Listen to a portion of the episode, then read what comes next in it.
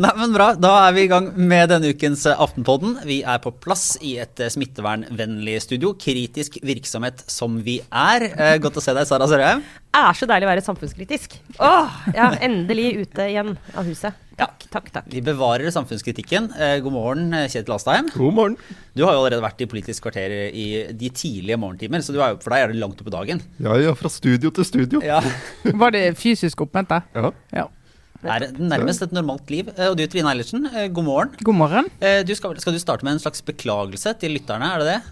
Eh, Kan- ja, det skal jeg. For jeg vår egen, rotet med ja. geografi på stedsnavn på Sør-Vestlandet forrige uke. Eh, Kjetil, kan du rydde opp? ja uh, dette handler- delegert dette til han- Kjetil. Dette handler da om helseminister Bent Høies hytte, og om uh, Arbeiderparti-nestleder Hadia Tajiks oppvekststed. Der vi var litt upresise, og vi har fått hjelp av opptil flere. Uh, Bl.a. mediekritiker Sven Egil Omdal, som eh, prøver å forklare oss at det er like langt fra Bjerkreim, der Bent Høie har hytte, til Bjørheimsbygd, der Hadia Tajik vokste opp, som fra Akersgata til svenskegrensen. Og Det betyr jo at det er rett rundt hjørnet, faktisk. Egentlig det er rett rundt hjørnet, og da kan jeg bare si min kjennskap til stedsnavn på den delen av Østlandet er nok enda dårligere enn det er på Vestlandet. Jeg nøyer meg bare med å si at eh, jeg bare nyter å ikke være den som har gått i surr med, med steder andre steder. Så det er bare, det er bare jeg synes det er kritikkverdig, Ja. Trine og Kjetil, at dere har så lite kontroll på Ja. bitte små steder langt unna. Til gjengjeld ble jo du arrestert på hyttefakta. hytte, det, var, det var et språklig virkemiddel. Det mener jeg er noe helt annet enn å surre med geografi. Altså 50% 80% Man må faktisk bruke språkets rom for å få fram et poeng. Ja, det for er du en sa, mild jo du sa jo at 80 hadde hytte, mens eh, faktum Men er her- 22 som eier hytte av husholdninger, og 50% som har tilgang. Altså, Det er det, mye. mener jeg, det mener jeg innafor den vanlige, helt normale overdrivelsens ja. Feilmargin perspektiv. kalles. Så er det helt, helt, helt, greit. Så det står vi Vi tar null selvkritikk for det. Men eh, vi får jo gå inn i det som er av ukens eh, politikk.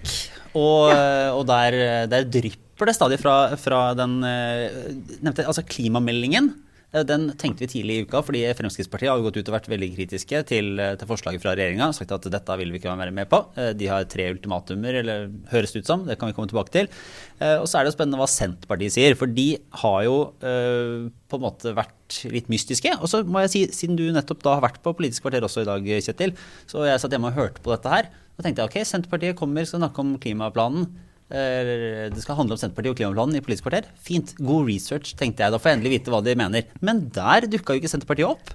For de ikke noe eh, De var ikke klare for å kommentere hva, eh, hva klimameldingen dreier seg om, eller hvordan de stiller seg til det. Er vår tids største sak. Why bother? De har jo vært uh, ute, så Klimapolitisk talsmann Ole André Myhrvold var i Klassekampen i forrige uke og sa at de var imot uh, dette forslaget om å øke CO2-avgiften, trappe opp CO2-avgiften til 2000 kroner i 2030. Og Det er jo det uh, hovedvirkemiddelet det er i klimaplanen fra, klimameldingen fra regjeringen. Det er det som tar ca. halvparten av de kuttene som trengs. Så når de er imot det, så har jo det et digert hull i sitt klimaregnskap, Senterpartiet. Altså, Hvordan skal de da kutte for å nå de utslippskuttene som trengs? Det er litt sånn bare tilbakeblikk der. Har de alltid hatt den posisjonen? Altså, nå må jeg bare innrømme at jeg er på tynn grunn, men eh, det, grønne, det grønne Senterpartiet hadde vel ikke den samme posisjonen for hvis vi går ti år tilbake, da? Du, eh, du kan jo gå tilbake til sentrumsregjeringen, Bondevik I-regjeringen. Den gikk Ja. jo av på eh, sterkt forurensende gasskraftverk, som eh, noen vil huske. Da var Marit Arnstad var olje- og energiminister. Og det er jo ikke lenge siden Senterpartiet var for at forurenser skal betale. Nå er det en konflikt i forbindelse med programmet som skal behandles i løpet av ja, Nå har jo de flytta landsmøtet til juni. Der det bare er et mindretall i programkomiteen som vil ha det prinsippet om at forurenser skal betale. Og hvis du ikke har det prinsippet, men likevel skal kutte utslipp, så er det jo da noen andre som skal betale. Altså de som ikke forurenser. Men er det da helt sånn reelt at de faktisk ikke vet? Altså Tror vi på det? Altså Er det sånn at Senterpartiet nå sitter der sånn Ok, vi er imot den eh, CO2-avgiften, men vi er vi vet ikke hva vi skal gjøre, så vi har ikke klart å snakke om det? Eller er det mer sånn supersleipt uh, for å slippe å si noe som de ikke tror fungerer hos velgerne? At de bare, at de bare på en måte sier sånn Nei, vi, er, vi, kan ikke komme i studio, så håper du slipper unna debatten. Eller hva tror vi er grunnen til at de ikke stiller? De har en indre konflikt på det punktet. Der noen uh, i partiet mener det er blitt for, for lite klimavennlige. De er, for, uh, de, er, de er veldig gode til å angripe Altså trykke på de stedene der det gjør vondt. altså Skal folk virkelig betale 20 kroner, over 20 kroner literen for bensin og diesel? skal man ikke få lov til å kjøre med den gamle dieselbilen sin inn til Aker Brygge. Uh, sånn, skal det bli dyrere å fly med, med Widerøe i Distrikts-Norge? Det er de flinke til. Skal vi, skal vi, ikke få lov til å få kjøtt på tallerkenen til, til middag? Uh, men de, har jo ikke, de, er jo veld, de, er jo ikke, de, er jo ikke, ute med hva de vil gjøre, eller hva, hvordan vil de svare på vår tids største utfordring. Der, men, men de, de forholder seg til den samme målsetningen?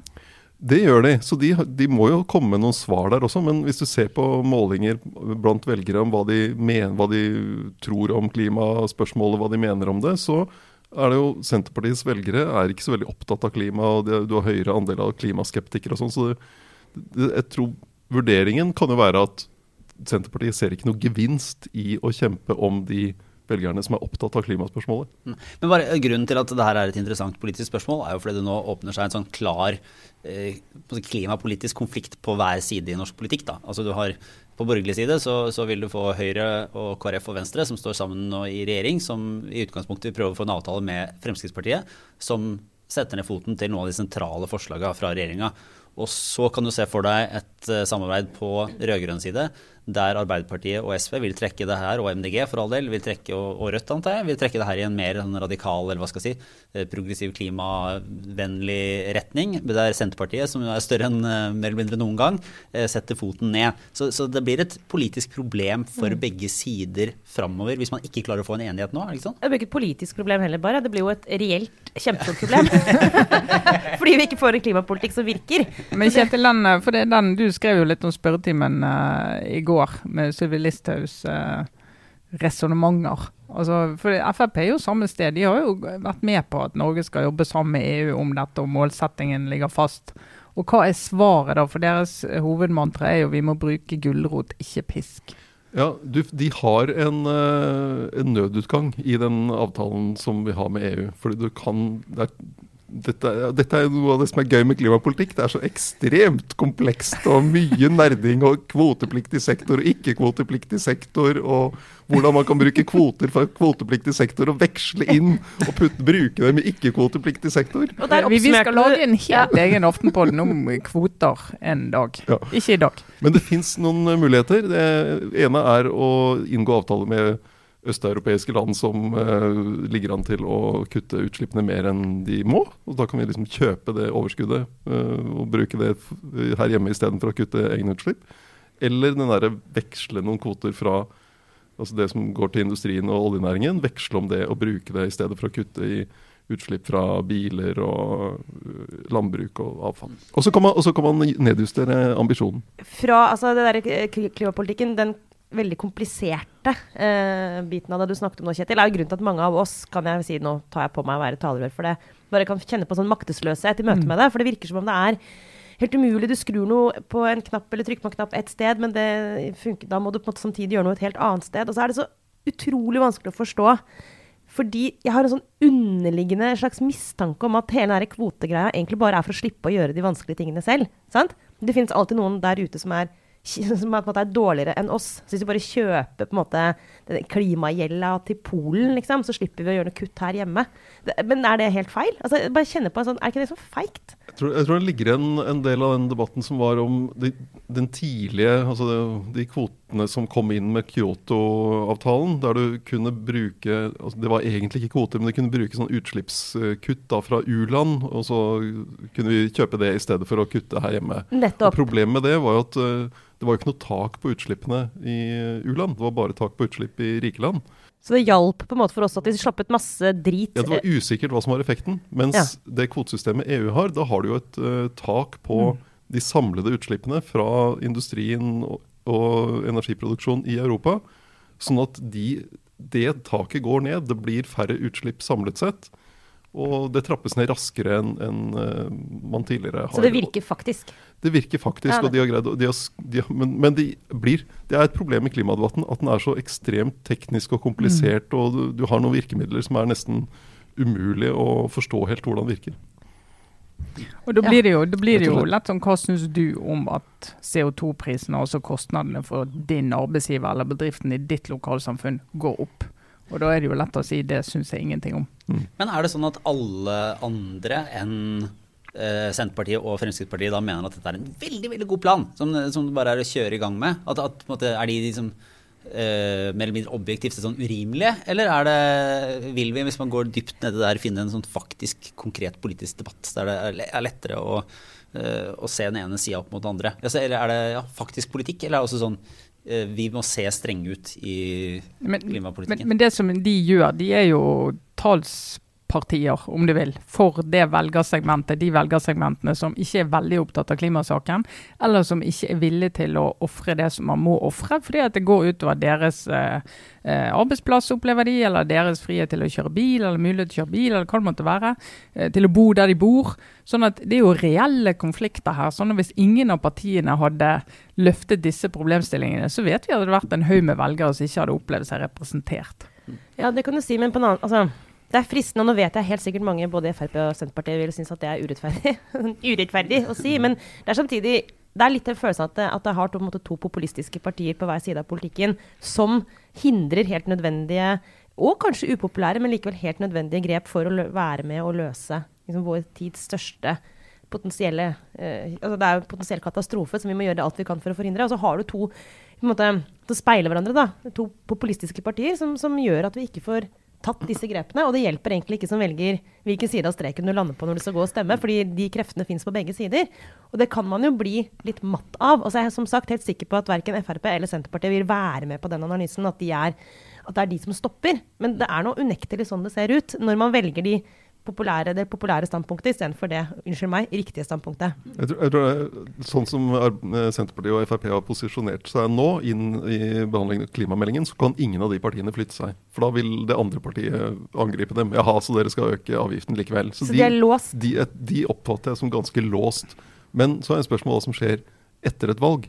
Hvis vi ser på Fremskrittspartiets historikk i, uh, i regjering, så har, har jo de stemt for Parisavtalen. De har stemt eh, for en, eh, den mest forpliktende eh, klimaavtalen Norge har hatt noen gang, med da EU, for å binde opp klimamålet i 2030.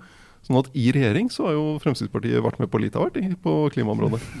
Men bare si, Frp har jo da sagt nei til eh, denne økningen i CO2-avgiften. Og så har de sagt nei til målet om at det ikke skal selges eh, altså, Nå er det litt for spiss eh, for, si, formulering på det her, men, altså, de har sagt nei til et, det, et, et forbud mot eh, fossile biler i 2025.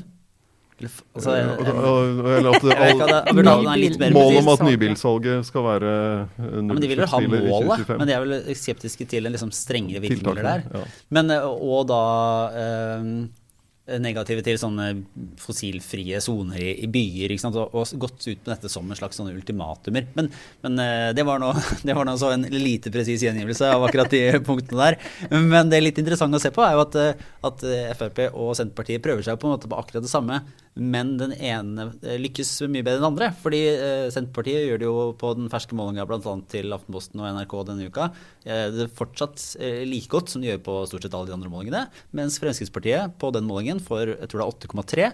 Og gjør det også dårlig på TV 2 sin måling. Og, og VG det er 8,2 i snitt nå i februar. Ikke sant? Og Det er jo da en, en, det dårligste på omtrent 15 år eller et eller annet sånt.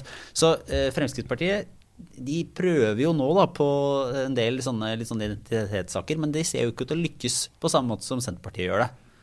Er det noen, på en måte, Ligger forklaringen i noe av denne klimapolitikken, eller er det helt andre ting som eh, rammer Frp? Jeg tror, altså, for det Klima er ikke en, en, en viktig stor konfliktsak blant velgerne akkurat nå. Så jeg tror ikke det er det som påvirker mange av de velgerne som svarer på de målingene. Sant? De er fremdeles opptatt av by og land og distrikt og nedlagte akuttsykehus og hva det måtte være. Eh, og der er ikke Frp. Der er Senterpartiet. Og, og Senterpartiet er blitt den store opposisjonsstøvsugeren. Og hvis vi skal se på bare partilederne, da.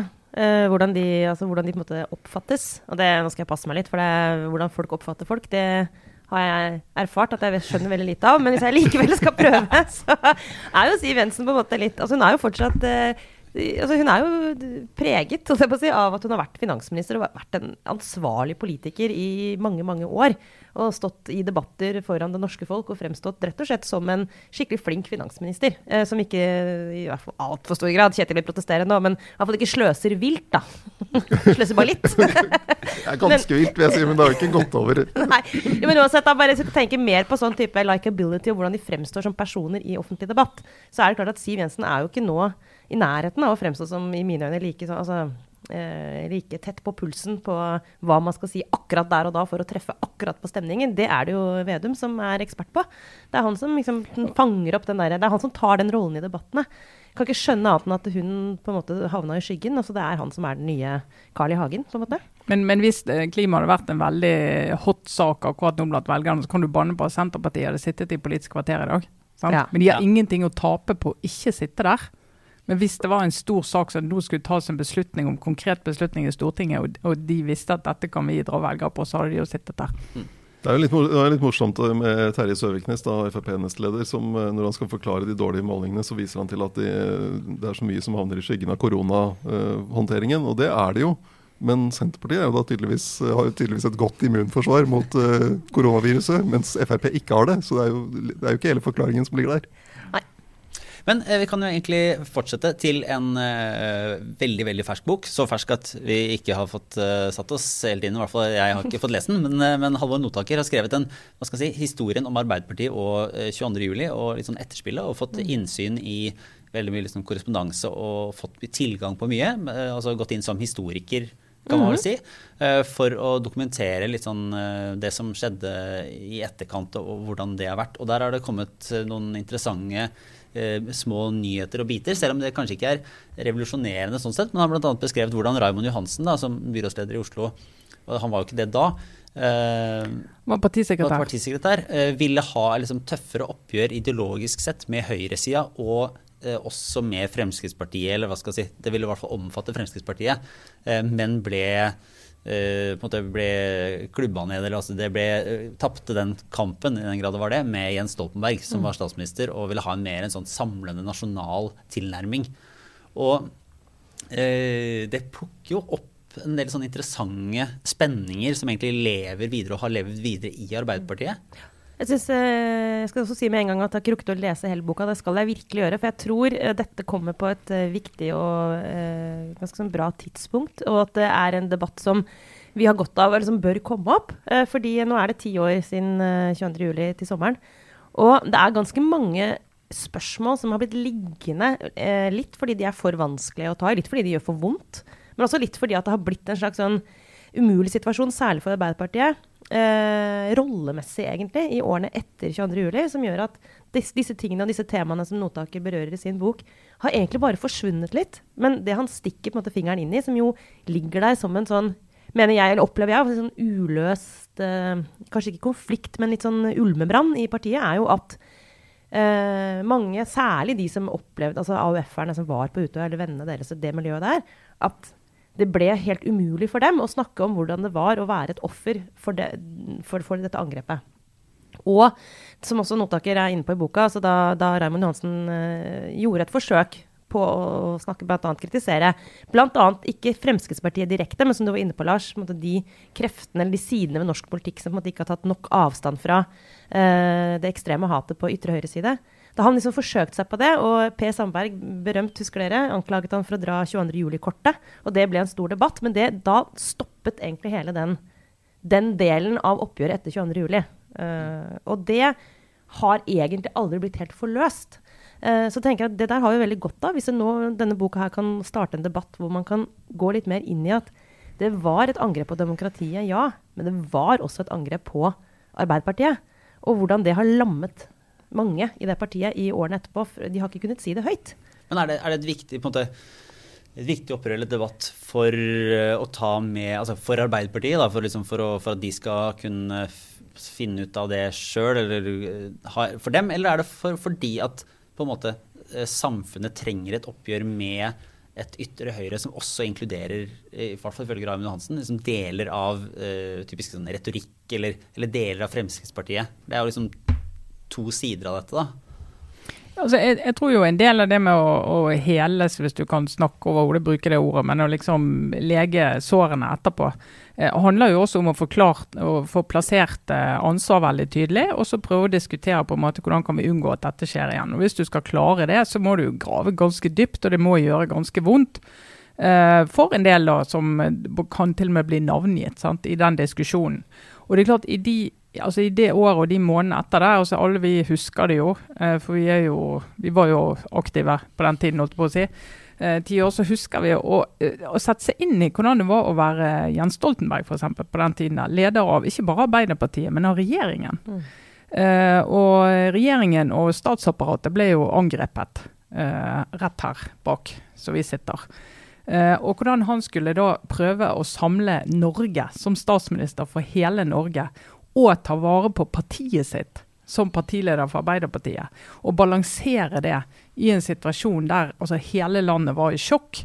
Uh, og prøve da, hvis, og hvis han da skulle begynt inni det og snakke om Arbeiderpartiet uh, på en måte som mange ønsket seg, så tror jeg han var redd for at da ville du få noen som tenkte at han brukte det politisk. Jeg er ikke sikker på det, at det hadde blitt opplevd sånn, men jeg, jeg, kan forstå varsomheten hans. Jeg kan forstå at han var forsiktig med det. Og så var det en del ting som gjorde at det der, liksom, du kom gjennom med, med Gjørv-kommisjonen, som gikk gjennom beredskapen. Og da var det jo denne regjeringen som hadde sviktet i beredskapen. Så det var det samme partiet som ble angrepet som hadde sviktet i den beredskapen som kanskje kunne ha hindret at så mange ble drept. Sånn at, og Det tok jo Stortinget hensyn til da de behandlet det. Sånn at det var jo for, for det politiske Norge den vanskeligste saken noensinne. Og da tenker jeg Det er jo veldig lett å være etterpåklok og si at de burde gjort, de burde gjort. Uh, og nå burde de sikkert, helt sikkert gjort det annerledes både før og etter 22.07, det vet vi. Uh, men jeg tror vi skal diskutere det på en sånn måte at vi sier men er det noe vi kan gjøre nå som vi mm. ikke kunne da fordi det er gått litt tid, uten å liksom peke på du fikk ikke lov til det, han fikk ikke lov til det, de er bitter for det. Heller se nå. Hva er det vi må snakke om nå for å liksom få leget enda flere sår? da? Men er det ikke generasjon i Arbeiderpartiet som jeg vil nesten si med rette opplever at de måtte på en måte holde tilbake sitt, sitt sinne mm. og sin sorg og sitt sjokk Eh, av hensyn til at ah, jeg håper å si alle skal med, må ikke være flåste, men sånn Altså det ble Det var nasjonal, et nasjonalt traume og en nasjonal sorgprosess som var uhyre viktig at, at hele, for Norge, tror jeg, rett og slett. Det er sjelden man skal snakke i så store ord, men det var nok helt nødvendig. Og veldig, jeg tror de aller, aller fleste opplevde at det var en inkluderende eh, prosess, da, og at Stoltenberg helt åpenbart liksom, traff riktig for veldig mange. Eh, men det hadde en pris. Mm. Det hadde en pris. Jeg, jeg har heller ikke lest uh, boka ennå, men jeg, jeg, tenker den er det, er veldig, det er veldig viktig at vi tar den uh, at, vi, at, den kommer, for nettopp å belyse alle de, hvor ekstremt vanskelig dette var uh, for Arbeiderpartiet. Og, og, så er det ikke sikkert at vi, vi ser at eller, så Folk vil ha ulike syn på burde man gjort noe annerledes her. Men, men jeg tror den forståelsen av det er, har, har, har en stor verdi i seg selv. Det var jo det var jo et angrep på norske verdier, norsk demokrati og sånn sett fellesskapet. Eh, og hva Norge skal stå for. Eh, men det var jo en nordmann som gjorde det. Og han gjorde det i en kontekst. Og, hva, og så er det noe, hvordan, hvordan forholder du deg til det både å, og, som da var viktig for Stoltenberg, å samle landet, samle nasjonen, og det å ha en debatt om men hvordan kunne det skje. Mm. Jeg tror det kommer, og kanskje det, måtte det ta såpass lang tid, men, men nå Eh, kanskje i forbindelse med at det er ti år siden. At det også kan komme en litt større debatt. En ting er nå hvordan det, dette ble håndtert i Arbeiderpartiet, men, men også hele, hele rettssaken og det oppgjøret der som nok helt sikkert vil bli stående som et veldig Det var veldig mye som ble gjort veldig riktig, tror jeg, i den prosessen. F.eks. det at, at, man hadde, hadde disse um, vitneskildringene. At man gikk gjennom altså ble en, Det ble en verdig, faktisk, markering og prosess, den rettssaken. Men det er klart at hele den diskusjonen som var veldig vanskelig den gangen, og veldig, veldig intens, om dette med tilregnelighetsspørsmålet, det er noe som jeg tenker at kanskje altså, den, Det kunne være interessant å på en måte se det igjen nå, da, eh, så, såpass mange år etterpå. Uh, uten at jeg vet hvordan det vil liksom spille seg ut. Men det er klart at det, det kan nok hende at det er kan være eh, rett og slett interessant og også kanskje ganske klokt å nå måtte gå litt inn igjen i noen av de spørsmålene. Og se eh, om det finnes noen andre historier, en annen måte å tolke det på enn det vi gjorde den gangen. Så er det, jo, det er jo en sånn politisk virkelighet da, siden 2011 der mange kanskje tenkte og litt sånn i det norske idealismen eller hva skal jeg si, samla Konsensus-Norge tenkte at nå står vi sammen og har vært ofre i dette her, vi skal gå videre, vi skal stå sammen, verne om demokratiet. Og så har de neste tiåra de konfliktene er ikke tona ned i det hele tatt. Da. Altså, det har jo, uh, retorikken har blitt hardere. Du har hatt måte politikere både i Europa og i USA som har spilt opp på Nå skal jeg liksom ikke trekke, liksom sammenligne det med, med, med Breivik, da, men, at, men, uh, som er på en måte splittende på, på nettopp folkegrupper. Altså, man har sett liksom, tøffere toner, mer sånn dehumaniserende språk. Altså, alle de tinga som, som ville vært naturlig i et oppgjør med en form for retorikk, eller hva er det som legger til rette for dette innenfor vår politiske diskusjon. Det har jo, I Norge så har det kanskje ikke vært sånn store forskjeller, selv om du ser en del i sosiale medier her òg, men i, i, resten av verden og liksom kulturelle sfæren vår så har jo dette ikke blitt bedre eller tona ned. da. Nei, også tenker jeg På en måte kan du si, og det med fare for å bli misforstått, men Breivik var jo litt sånn eh, tidlig ute forut for sin tid. For I de tiåret etter uh, det terrorangrepet, så har jo virkelig sosiale medier latt til rette for at den type retorikk som han funderte manifestet sitt på, det er jo virkelig blitt sånn si, allemannseie ute i mange grupper. Sant? Og han var, han var, på en måte tidlig ute med å, å, gjøre de tankene til konkret handling, men vi har jo sett flere angrep etterpå. Mm. Sånn at ingenting, altså Det er jo ingenting som er blitt bedre etterpå. Det er blitt verre. Det der var jo et varsel om hva som skulle komme. Uh, og det er utrolig komplekst hvorfor det er blitt som. Det er jo ingen tvil om at det er muligheten til å samles og debattere de spørsmålene på den måten og i hvert fall noe vi er nødt til å snakke om i år, er jo hva ansvar, eh, altså ansvarlige politikere som si, bekjenner seg til demokratiske verdier, har for å si. Hvor går grensen for hva du kan snakke om og måten du kan snakke om det på. Og ikke, I USA er det veldig interessante debatter om det akkurat nå, når de prøver å eh, bremse en av disse republikanske representantene som jo har sklidd helt ut i, i eh, Kokoland. Eh, men hvor virkelig det republikanske partiet, da, og vi kjenner det igjen i Norge, hvor de står i denne Ja, vi er jo for ytringsfrihet, og vi tror jo mm. på at folk skal, skal si det de mener, og vi må få det opp, og trollet sprekker lys og alt det der. Og så finner du ut at vi, vi har nå eh, en informasjonsstruktur som gjør at de trollene sprekker ikke. De bare løper inn som mus inn i en annen utgang, og så går de et annet sted og spiser seg feit og blir enda større. Og hva skal du gjøre med det hvis du er et, uh, i et demokrati og representant for et demokrati? Og den diskusjonen er vi jo helt pokker nødt til å ta. Og av det, da. Eh, etterpåklokskap er jo veldig mye enklere som kjent enn alt, annet, alt mulig annet. Men altså i lys av det du sier nå, Trine, så er det jo en liten ekkel tanke i hodet. Som er sånn at det var en utrolig naiv respons vi hadde på det angrepet tilbake i 2011. At vi var ja, men i all verden, tenk at dette kunne skje i Norge. Og så føltes det godt å gå i de rosetogene og være samla, på en måte ta stilling til at å nei, dette, dette, står vi sammen imot. Men at vi ikke gikk hardere til verks, og at den spisse delen av det oppgjøret kanskje ikke kom. Nå mener jeg den spisse, det politiske oppgjøret med krefter som spiller opp under f.eks. da mm, hatprat og andre ting. Som i verste fall kan føre til også disse typer angrep i virkeligheten. Som vi har sett at det gjorde, og har gjort, og fortsatt dessverre gjør. Ja, det, det, mener jeg, det der er en diskusjon som jeg syns uh, denne boka kanskje uh, kan liksom åpne opp for. I så fall er det veldig bra. Men det er jo ikke for seint å ta de oppgjørene. Nettopp. Da jeg tror jeg vi går videre til en runde med obligatorisk refleksjon. Og uh, bare de, Altså, det er av og til sånne smidige overganger fra 22. juli uh, det, er, det, er, veldig vanskelig. Uh, bare, bare dropp det. Ja. det her, Men, vi, her vi legger inn litt reklame. Her må vi ha reklameprodusent. Ja, ja. Eh, men uh, her har vi den uh, Jeg kan begynne, fordi jeg har gått og, og tenkt litt på valgkampen. Og, og, det er ikke bare fordi jeg snart er tilbake fra pappaperm og hadde drømt om å reise på landsmøter og Uh, og, og he, For drikkebong. drikkebong. bare, bare innrøm det, Lars. Litt uh, uh, kort og konsist. Ja, møte folk igjen og henge rundt og, og stå utpå kvelden og prate og, og, diskutere hva som skjer og alt mulig rart. Og, og gå liksom landsmøtesesongen i et valgår. Det er liksom helg på helg og, mye som skjer. Og så ble det sånn ja ja, men det kommer jo kanskje Så kommer Arendalsuka, og så er valgkampen. Og så er det jo ikke noe som per i dag tyder på at det blir en helt normal valgkamp. Så jeg frykter jo at at norske politikere kommer til å gå litt sånn under radaren. At det bare er korona som, eh, som, driver eh, i dette her. Men så tenkte jeg på en Jeg har en idé som jeg gjerne skulle sett nå. Du vil ha evaluert? Jeg vil ha, Ja. ja. Uh, fordi jeg syns det har vært vi har, vi har jo kjøpt inn Det kommer mange vaksiner etter hvert. ikke sant? Ja. Det, er, det er kanskje noen praktiske problemer med akkurat denne ideen, men la, la det gå et øyeblikk. Eh, det jeg vil, for å få fram de tydelige politiske prioriteringene til de partiene eh, som stiller til valg, i hvert fall de som er på Stortinget, jeg vil gitt dem 10 000 vaksinedoser hver, som de kan fordele helt fritt.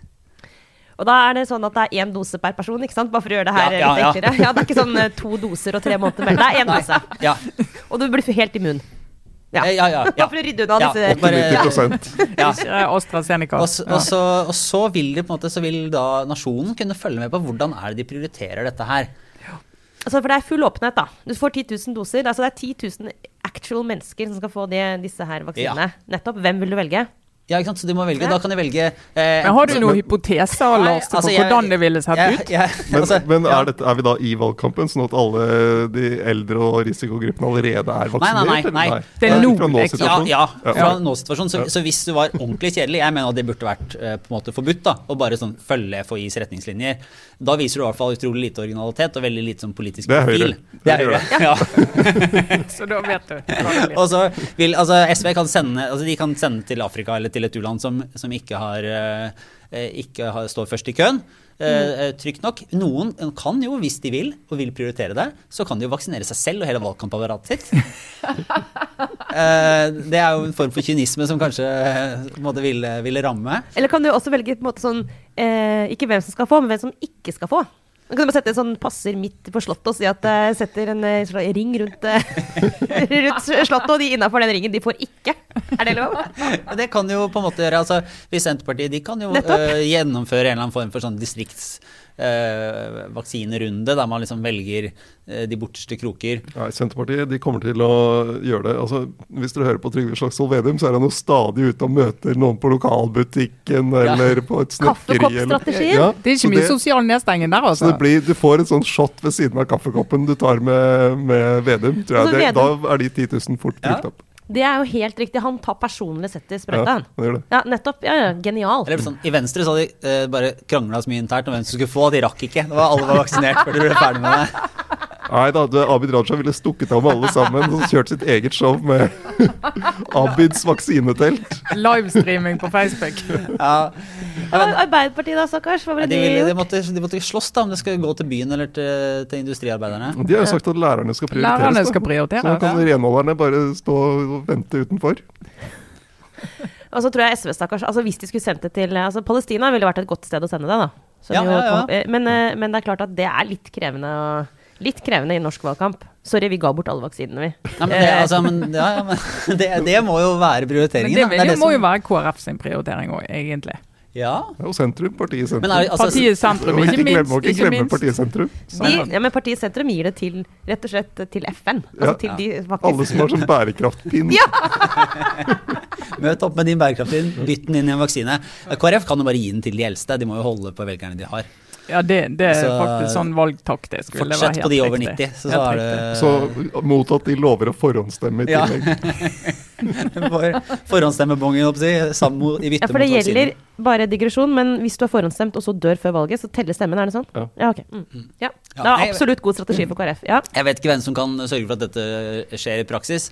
Ingen. Men eh, det er vel enten eh, NRK eller eh, Camilla Stoltenberg, kanskje. Så det er, i hvert fall, det er mitt lille Det høres ut håp. som en litt så fremmed tanke for Camilla Stoltenberg, uten at jeg kjenner henne personlig. Men, bare, men NRK derimot, de er jo så elleville for tiden at det skulle ikke forundre meg at de kjøpte inn faktisk doser, og så distribuerte de. Som ny sånn lørdags... sånn Sånn Så sånn lørdag så Ja. skulle noen kle seg ut.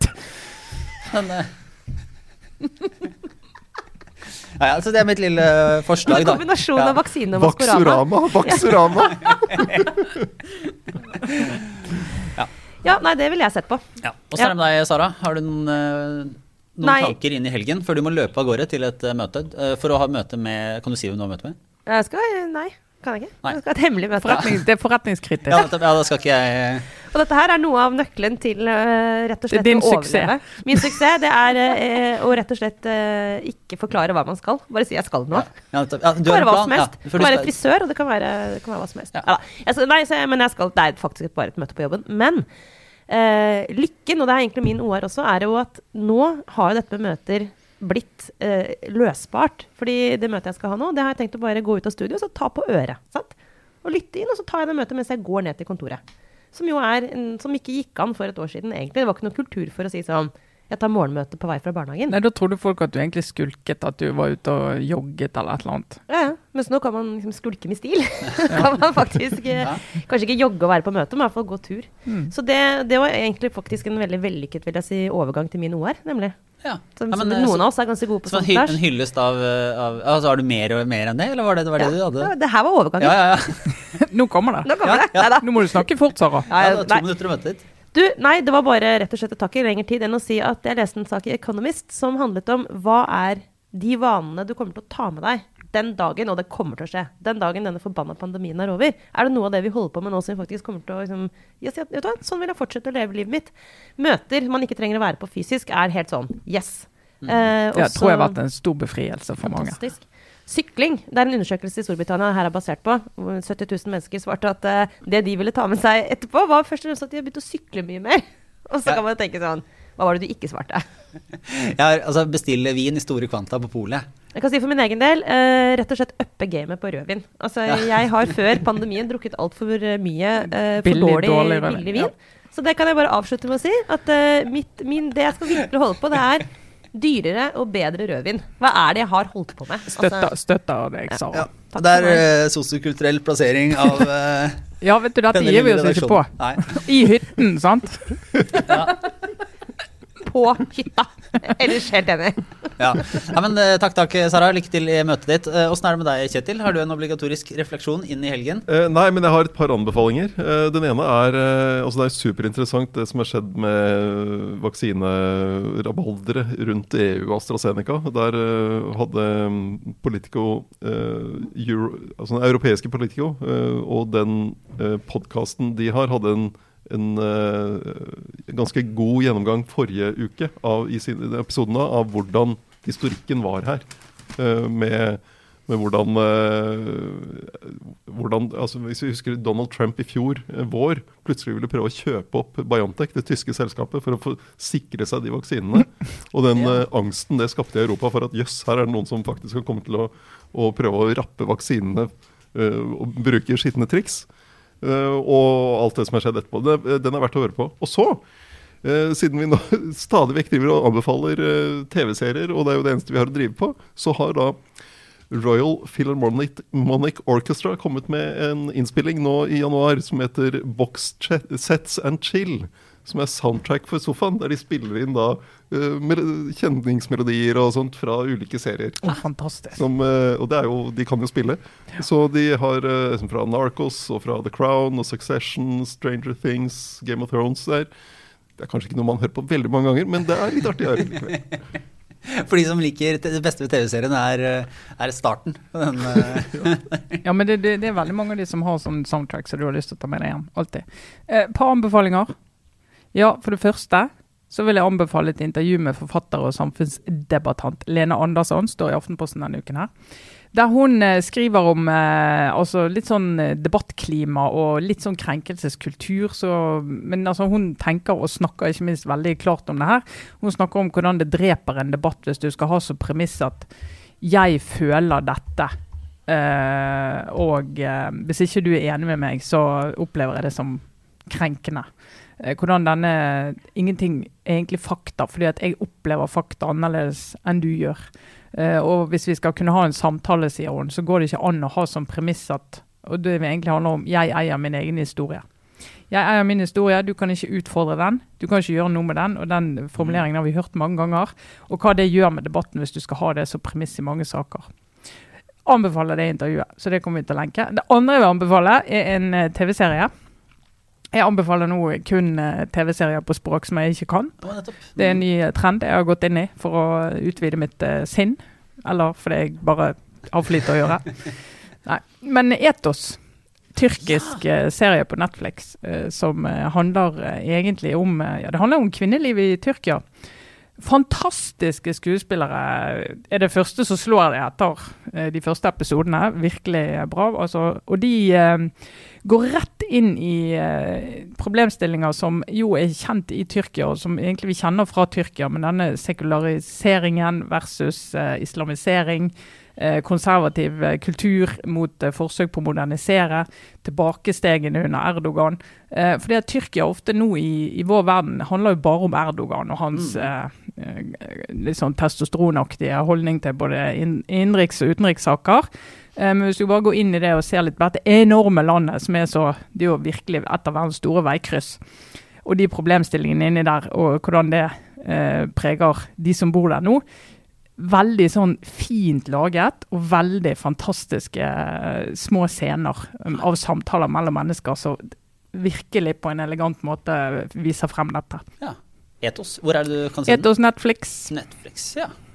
Nettopp. Ja, men da tror jeg vi eh, runder av for denne uka, og så er vi tilbake neste uke. Da eh, kommer vi med mer spennende ting. Fra, så vi kan ta litt mer på kvotepliktig og ikke-kvotepliktig sektor. da skal jeg reklamere med to og en halv time om kvoteplikt. Ja. Eh, heng med de som kan. Nei, men Det er supert. Takk for oss. Det var Aftenpodden. Ha det bra.